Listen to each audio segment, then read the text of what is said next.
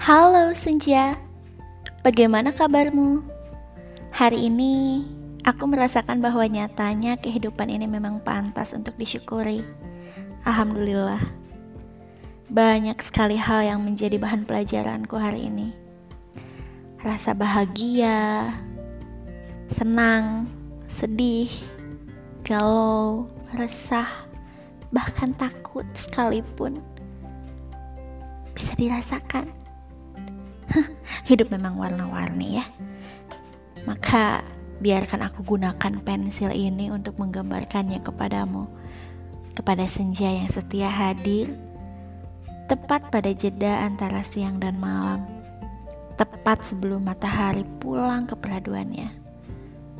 Dan nyatanya rembulan diam-diam sudah mulai hadir untuk menggantikannya kemudian. Jeda yang dirindukan semua orang, termasuk aku.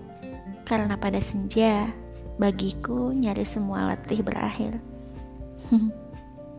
Sebut saja karena jamnya pulang kantor. so, inilah pensil senja. Pensil yang menuliskan cerita pada jeda antara siang dan malam. Selamat mendengarkan.